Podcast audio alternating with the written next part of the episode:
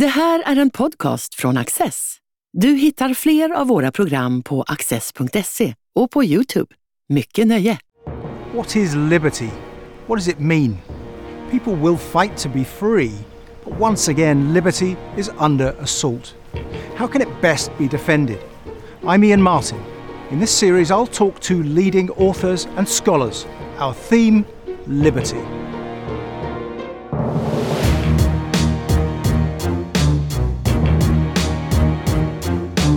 Hal Brands is the Henry Kissinger Distinguished Professor of Global Affairs at the Johns Hopkins University School of Advanced International Studies and a Senior Fellow at the American Enterprise Institute. Does China want to build a new and liberal global order? Or can the forces of liberty prevail instead? Hal Brands, what does China want? Well, it's a good question, and it's one that's subject to a lot of debate within the China watching community. I, I, tend to break down China's objectives into four categories. And when we talk about China, it's important to recognize that what we're really talking about is the Chinese Communist Party uh, and Xi Jinping within that party, because this becomes very important when you think about these four things. And the first thing that the CCP uh, wants is what every authoritarian regime wants, which is to stay in power. Uh, and, and sort of the question of what does this mean for the CCP's hold on power is central to every decision that the party makes. The second thing that China wants is really to make China whole again. And so Xi Jinping's map of China is different than my map of China, of your map of China. It includes pieces of the country that, from the CCP's perspective, were taken away from China when it was weak and divided. Uh, and so when Xi Jinping thinks about what Greater China should look like, it would obviously include Hong Kong, it would include Taiwan, it would include uh, pieces of neighboring countries with whom China has uh, ongoing territorial disputes. It would involve all of the South China Sea, for instance. And that leads to the third uh, Chinese objective, which I think is gaining regional primacy in, in Asia.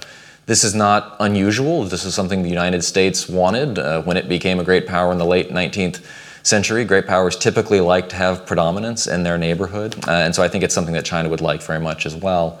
And then the fourth uh, and final objective is to make China the most powerful and influential country in the world at some point uh, in the future, probably some point in the middle of this century. And, and what we have to remember is that um, this is really kind of a reversion to the norm from a Chinese perspective. We think a lot about the rise of China Xi Jinping talks about the rejuvenation of, of China, and it speaks to this idea that China was once the most powerful and influential and advanced nation uh, in the world, most advanced empire in the world would be a better way of putting it.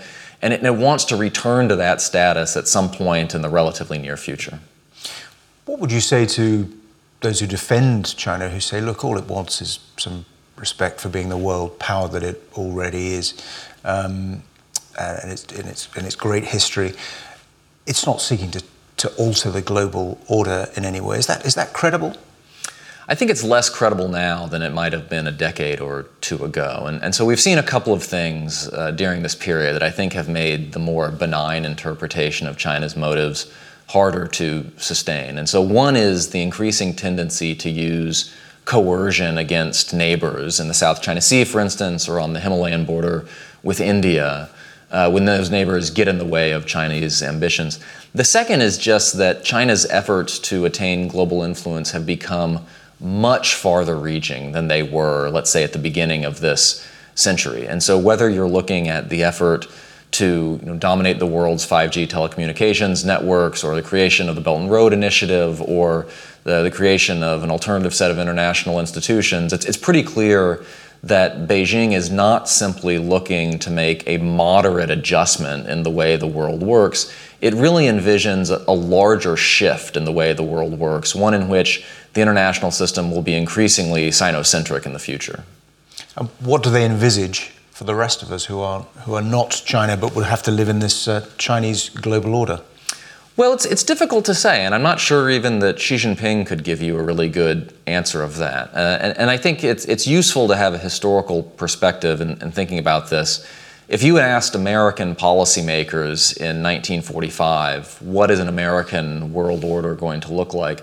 I don't know that they could have described to you what that system ultimately looks like. They would not have predicted, for instance, that the United States would have a global network of military alliances. That was a decision that was taken later, almost in the spur of the moment, in the late 1940s, beginning with the creation of NATO. And, and the point here is that countries' objectives and the way that they pursue them evolve as countries become more powerful.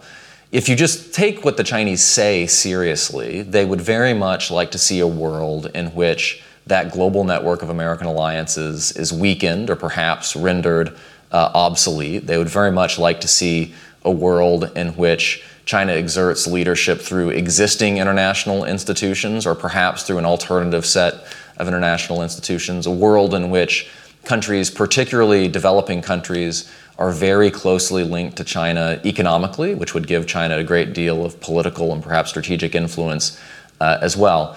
And so it's hard to describe the, the end point, you know, where all that ultimately culminates, but it, it would be a pretty big shift in the world as we know it. Why do you think it is the case that uh, quite a large number of people in the West seem to have got the rise of China wrong in the sort of 2010s? Is it because people wanted to believe that as it became sort of theoretically more Western, uh, more of a free market economy, it would naturally become freer and more like us, as we would sort of think in our arrogant Western Western way, and we failed to spot what was really what was really going on and what the leadership is really all about. I think there was a degree of hubris, perhaps. And so, you know, you have to remember that a lot of these views about China were formed in the wake of the end of the Cold War. And, and so this was a time when it appeared that democracy was triumphant, free markets were triumphant, you know, large parts of the world were becoming more like the West politically and economically. And so there was a certain logic in assuming that China would have to make the same transition at a certain point, that as it became more economically prosperous, and advanced, it would undergo a political transition or that it would simply become more deeply integrated into the existing order and so would have less reason to disrupt that order. Uh, and it was easy to make that assumption when US and Western supremacy was essentially unchallenged during the 1990s. I think the other issue, though, is that frankly, we, we had an incentive not to see the Chinese Communist Party for what it was, because as these economic ties between China and the United States and other advanced democracies developed, there would, would have been a great deal at stake in starting to disrupt some of these ties and, and to speak more candidly about how the CCP operated at home and abroad and what it might ultimately like to achieve. And so you had this combination of, of hubris and then very profitable, um, but in some ways also very entangling economic ties that made it harder to come to a realistic assessment. And it's China's uh, role in the world economy in that period, which is the real driver of low inflation in that period, isn't it? It's essentially cheap Chinese goods, so it's in our interests to um, to pretend that it's all benign. There's maybe a bit of a parallel, isn't there, with German thinking about Russian and Russian oil and oil and gas that we were kind of making ourselves dependent in the West on cheap Chinese goods. I think that's fair, and I think one of the things that we've learned from COVID and also from the war in Ukraine is that developing this deep interdependence with authoritarian regimes may or may not work in changing the way they operate, but it creates a lot of vulnerabilities for countries on the other side. This is something certainly that the Germans have discovered uh, in the past few weeks, although they've been warned about it for a long time. It's something that the United States has discovered with respect to China, where you now have a situation where the, the political relationship, the diplomatic relationship is increasingly fraught, but it's also in some ways difficult to adopt a more competitive posture because of this deep economic uh, entanglement between the two societies. The, the only other point I would offer here is that there is a long American tradition of, of doing this. And so our first preference is always to create a fully integrated global system in which everyone will participate constructively. This was the Wilsonian vision at the end of World War I. This was the American preference at the end of World War II, and we hoped very much that we would find ways of integrating the Soviet Union into a one world community as opposed to the two worlds uh, model that eventually evolved. And it was what we tried after the end of the, the Cold War. And so, in some ways, that, that optimism is a helpful trait. It, it helps make the United States effective in the world. But this is really the third time in the last century where we've seen the same story play out. And where does that come from, that optimism, idealism, essentially? I think it's probably deeply rooted in the American political tradition. And so the American political tradition, of course, is, is based in the idea that you can create a system in which all people will be able to participate constructively and you will have you know, peaceful mechanisms for resolving disputes, sort of the ideal of, of democracy. And we translate that onto the international stage. And, and we hope that we can set up an international system that will resemble sort of the ideal of the domestic system that we've created at home. There's, there's also this very deep American belief that people everywhere want the same things that, that we do, that people everywhere want uh, political freedom, that people everywhere uh, want to live a life that we would consider to be a, a, good life. And I think, again, that, that's a real strength of the American position in a lot of respects, but it sometimes does make it difficult to get authoritarian regimes right. I mean, if there's uh, you know a, a, new age of competition coming with China, or we're already in the middle of it, what should the West be doing, and what are we doing at the moment? Are we doing enough?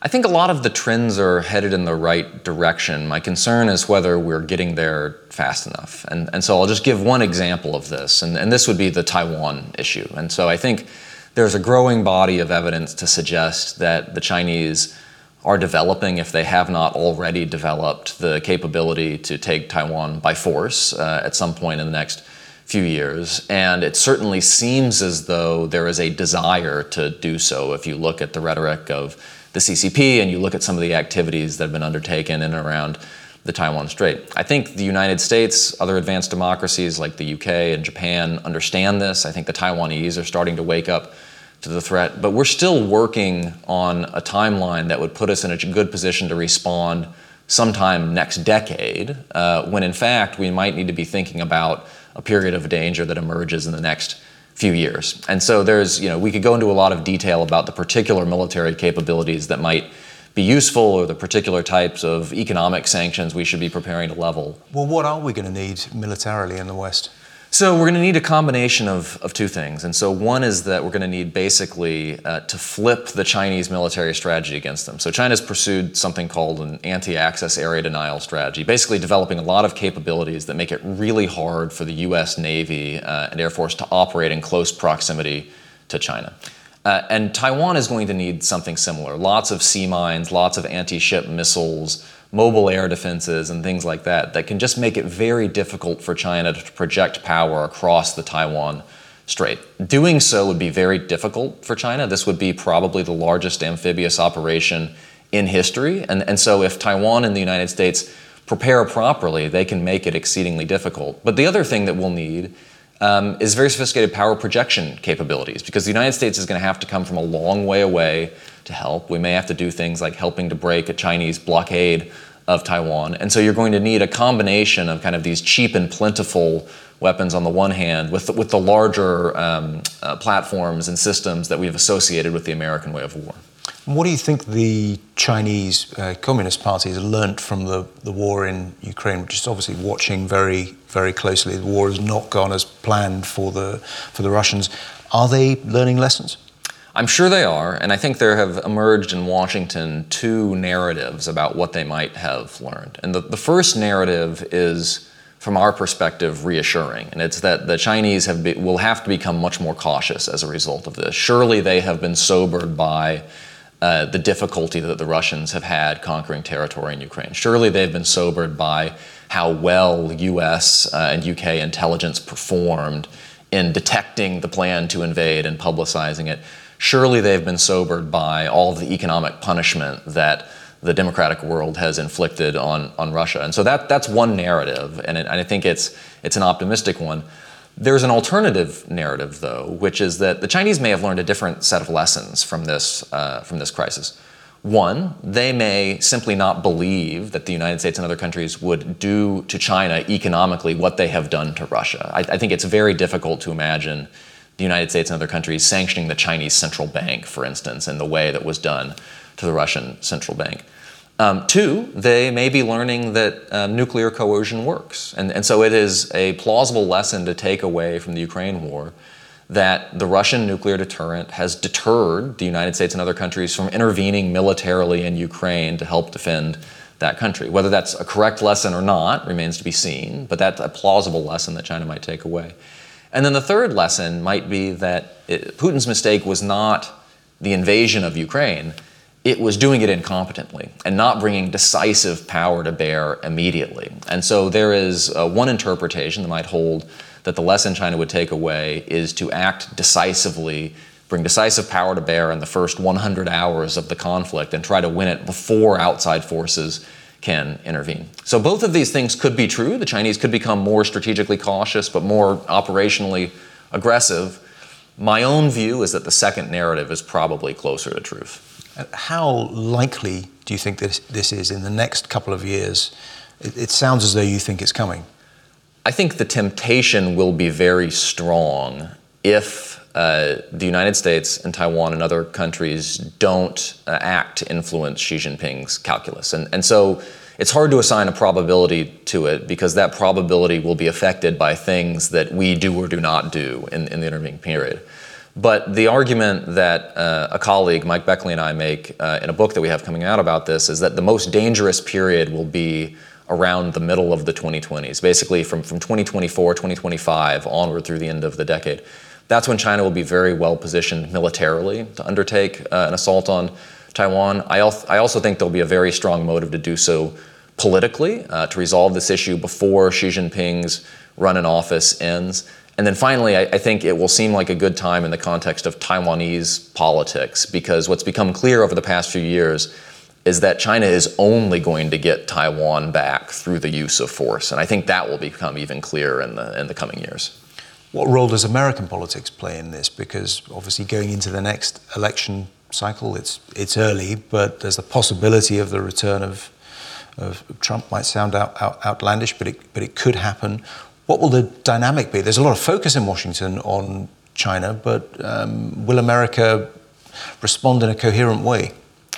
I think the trend in American politics is toward a bipartisan consensus that China is the most significant threat the United States faces, and that Taiwan is a critical link uh, in the chain of countries that, that runs down really from Japan into Southeast Asia and essentially holds the open Pacific against Chinese power. Now, what complicates things a little bit is that Taiwan is obviously not a treaty ally of the United States. In fact, the United States doesn't even recognize Taiwan as a sovereign state in, in, diplomatic terms. Most countries around the world don't recognize Taiwan as a sovereign state. And so there's more ambiguity about the American response than there would be in a case like a Russian attack on the Baltic states, which are treaty allies of the United States. I think the Biden administration has tried to make as clear as it can, without formally changing U.S. policy, that the United States could not be indifferent to a Chinese attack on Taiwan. The president has now three times come out and explicitly said the United States would help Taiwan defend itself in the event of a Chinese assault. And then the next day, uh, subordinate officials come out and clean up the comments and say, actually, we're just reiterating uh, existing yeah. policy. But, but I think that trend is likely to endure. And if anything, I, th- I, think that it will become more pronounced in the coming years because Republican candidates for president in 2024 are going to run against China. Uh, and when that will incentivize them to take very hawkish stands on Taiwan as well. Psychologically, where do you think the electorate will be on this? Will it be up for? There is this bipartisan consensus that you mentioned, but is the electorate really prepared for potentially a war over Taiwan? Well, we won't know until it happens, and hopefully it won't happen. But I would make a couple of points here. The first is that uh, opinion polling shows that a majority of Americans now favor using force to defend Taiwan from a Chinese attack. And that, that's fairly remarkable because there were times during the Cold War when less than a majority of Americans favored using force to defend West Germany from a Soviet assault. And so that's a pretty striking number. The second thing is that you know the United States has this tendency of getting really annoyed when uh, big bad autocracies assault democracies or even non-democracies next door. And so in 1950, South Korea was outside of the American defense perimeter. The United States was operating on the assumption that it would not defend it if it were attacked. Uh, and Harry Truman made the opposite decision in June 1950 because he looked at this and he said, we don't want to live in the sort of world where uh, Soviet proxies can just knock over members of the free world next door. You saw a similar decision that was made after Saddam Hussein invaded Kuwait uh, in 1990, another country with which the United States did not have a defense treaty. And, and George H.W. Bush said that this would not stand because it was dangerous to allow this sort of precedent to be set. And so I, I think it's entirely possible you would get a similar reaction in the United States after a Chinese assault on Taiwan. I think there's, there's two caveats, though. The first is that the question obviously arises well, what about Ukraine, right? And the United States did not intervene militarily in Ukraine. The Biden administration has made very clear that it has no plans to do so. Doing a huge amount on aid and training right. and intelligence, right. but not direct involvement. Right. huge amounts of indirect support for, for Ukraine, but not direct U.S. military intervention. And I think what the Biden administration has been trying to do is say that Taiwan is different. Taiwan is different because its strategic significance is so great. Taiwan is different because it's in the part of the world that we view as the primary theater of competition. And so don't draw conclusions from the fact that we have not intervened militarily in Ukraine. The second caveat, though, is that it depends entirely on who is president. Uh, and, and so, in both of the cases that I just mentioned, if an American president had decided that the United States should not fight uh, in, in Korea or in the Persian Gulf, the United States would not have gone to war. It took presidential leadership to make the case for why this was necessary. And so, if there's a Chinese assault on Taiwan and Joe Biden or whoever follows him as president decides to make the case for American intervention, I think the American people will go along. I think they're, they're willing to be led on, on this issue. But if you have a president who makes the opposite decision, I think there'd be a significant amount of political leeway for that as well. On Russia, you know, where does Russia fit into Chinese thinking? Does it really? I think Russia may be the most important country in the world as far as China is concerned right now. Uh, China has one major strategic partnership, and it's with Russia. China has uh, systematically alienated many of the world's advanced democracies which has made it more dependent on Russia, even as Russia has also become more dependent on, on it. And the Russians and the Chinese both derive a lot of benefit from the strategic partnership that they have set up. And so the, the Russian Far East is basically denuded of military gear right now. And the Russians can make that move. They can, they can throw a lot of power at Ukraine because they're not at all worried about facing a threat along the Chinese border. China would have a similar advantage in a contest with the United States in the Western Pacific, and the, the two countries might find ways of aiding each other. So you think it's, it's uh, not? I mean. It's sometimes presented as a kind of supplicant relationship with with, with Russia, desperately now needing needing China, but you, you, you think it's, it's it's about kind of coexistence and helping each other. If you had to say, you know, China's definitely the rider rather than the horse uh, in the relationship. But the fact is that, that China needs Russia because it has nowhere else to go at this point. If, if China were to turn away from Russia or the relationship were to take a downturn, China would be very strategically isolated at the moment. It, it has to have a friendly Russia on its borders if it's going to be taking a more confrontational policy vis a vis the United States and its allies in the Western Pacific. And so there actually is a very high degree of dependence. And so this is one of the reasons why the Ukraine war presents such a problem for China. Because if it goes really, really badly for Russia, in the best case scenario, you're going to have a weakened Russia that is less useful as a, as a quasi ally of China. In the worst case scenario, you may have political upheaval in Moscow, and then who knows what happens to the relationship. What about America's allies in this? I mean, who are the, the, the key powers? I mean, it's ultimately American military might that's going to count when it comes to Taiwan or attempting to dissuade the, uh, the, the Chinese from, from doing it or trying it. But what other powers are significant? I mean, Japan's in a very interesting position at the moment. Where does Australia sit with the AUKUS business? How's Britain viewed?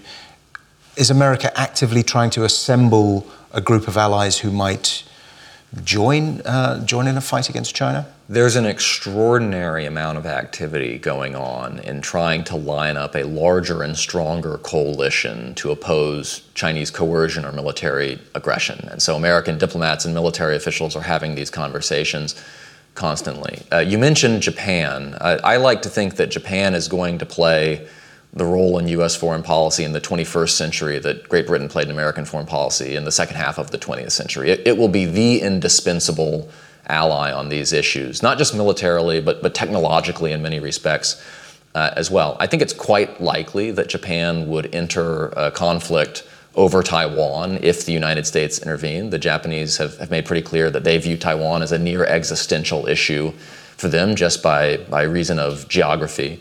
And Japan is situated to play a very important role. Uh, a, China, a Chinese assault on Taiwan looks a lot less favorable from Beijing's perspective if they have to fight the global superpower plus a major regional power in Japan than it does if Japan stays on the sidelines. You go beyond Japan, and uh, there is sort of a second ring of allies that I think are, are, are poised to play an important role, although perhaps a smaller role.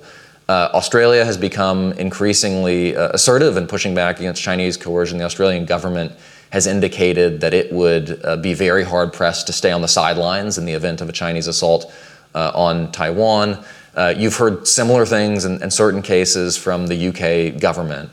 Uh, the challenge really is that there are uh, there's another group of U.S. allies and partners in the Asia Pacific whose uh, alignment is a little bit less clear on the issue, and so we, we can't be confident with respect to what we would get out of the Philippines, for mm-hmm. instance. And this is really important just for reasons of strategic geography. You know, South Korea might try to straddle the fence.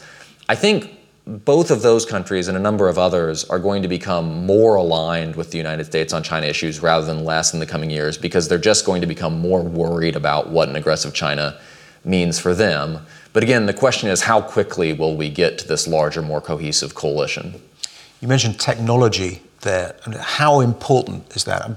Are those of us who think that, well, ultimately the democracies have an advantage because innovation is rooted in freedom and freedom of competition, a battle of ideas, and China can't really compete with that because it is an autocracy that's arguably moved to become a totalitarian state again, technologically equipped. Can China or the West win that technology battle? Uh, who's your money on? My money would be on the West, although I would expand it to uh, sort of be the advanced democracies writ, writ large, because you know it, it's increasingly become the case that when we talk about the West, we're also talking about uh, Japan, we're also talking about South Korea in some ways, talking about Taiwan in, in certain ways, and so it's, it's a larger conception of the West than would have been the case, say in in the 1950s. Or Sometimes been, has been called D10. Yeah, so, so the D, 10 T12, there are a variety of, of acronyms uh, that, that go with it, but it basically refers to this group of somewhere between, you know, seven and 15 technologically advanced democracies. And if, and if those countries can really cooperate on these issues, pooling R&D resources, for instance, um, hardening supply chains and things like that, they're going to be extraordinarily well placed to compete with China because they, they still account for a significant majority of global R&D spending. They uh, are, are, have dominant positions in key areas like semiconductor design and, and fabrication. And so, it, as long as you can get cooperation among the world's major democracies, and as long as those democracies can take steps to ensure that the fruits of their own innovation aren't simply stolen by, by the CCP, I think that the, the balance of power and the balance of influence is still going to favor the good guys. So the West, the broadest sense of the term, can win. Liberty can win, you think? I think so. I, I, think if I had to place money, I, I would place it on the United States uh, and its democratic allies and partners rather than on, on China. And, and it's worth keeping in mind that while we focus a lot on Chinese strength and Chinese military strength in particular, and it's, it's proper to do so because the danger has become quite severe, if, if I were Xi Jinping, I, I, would wake up in terror every night thinking about the problems that China faces, the, the growing economic problems with slowing uh, growth, uh, all of the demographic stresses that are about to exert major social and economic pressures on the country, the increasing brittleness of the political system, the way that the move towards a neo totalitarian form of political control is starting to stifle some of the growth and innovation that made China what it is today the headwinds that China faces in the future are going to be very, very severe. They may actually make China more dangerous in the near term by, by prompting Xi Jinping to act more rashly, to grab the things that China wants today. Over the long term, however, I, I think they put the United States and its, its friends in relatively good stead in this competition. Hal Brands, thank you very much for joining us. Thanks for having me.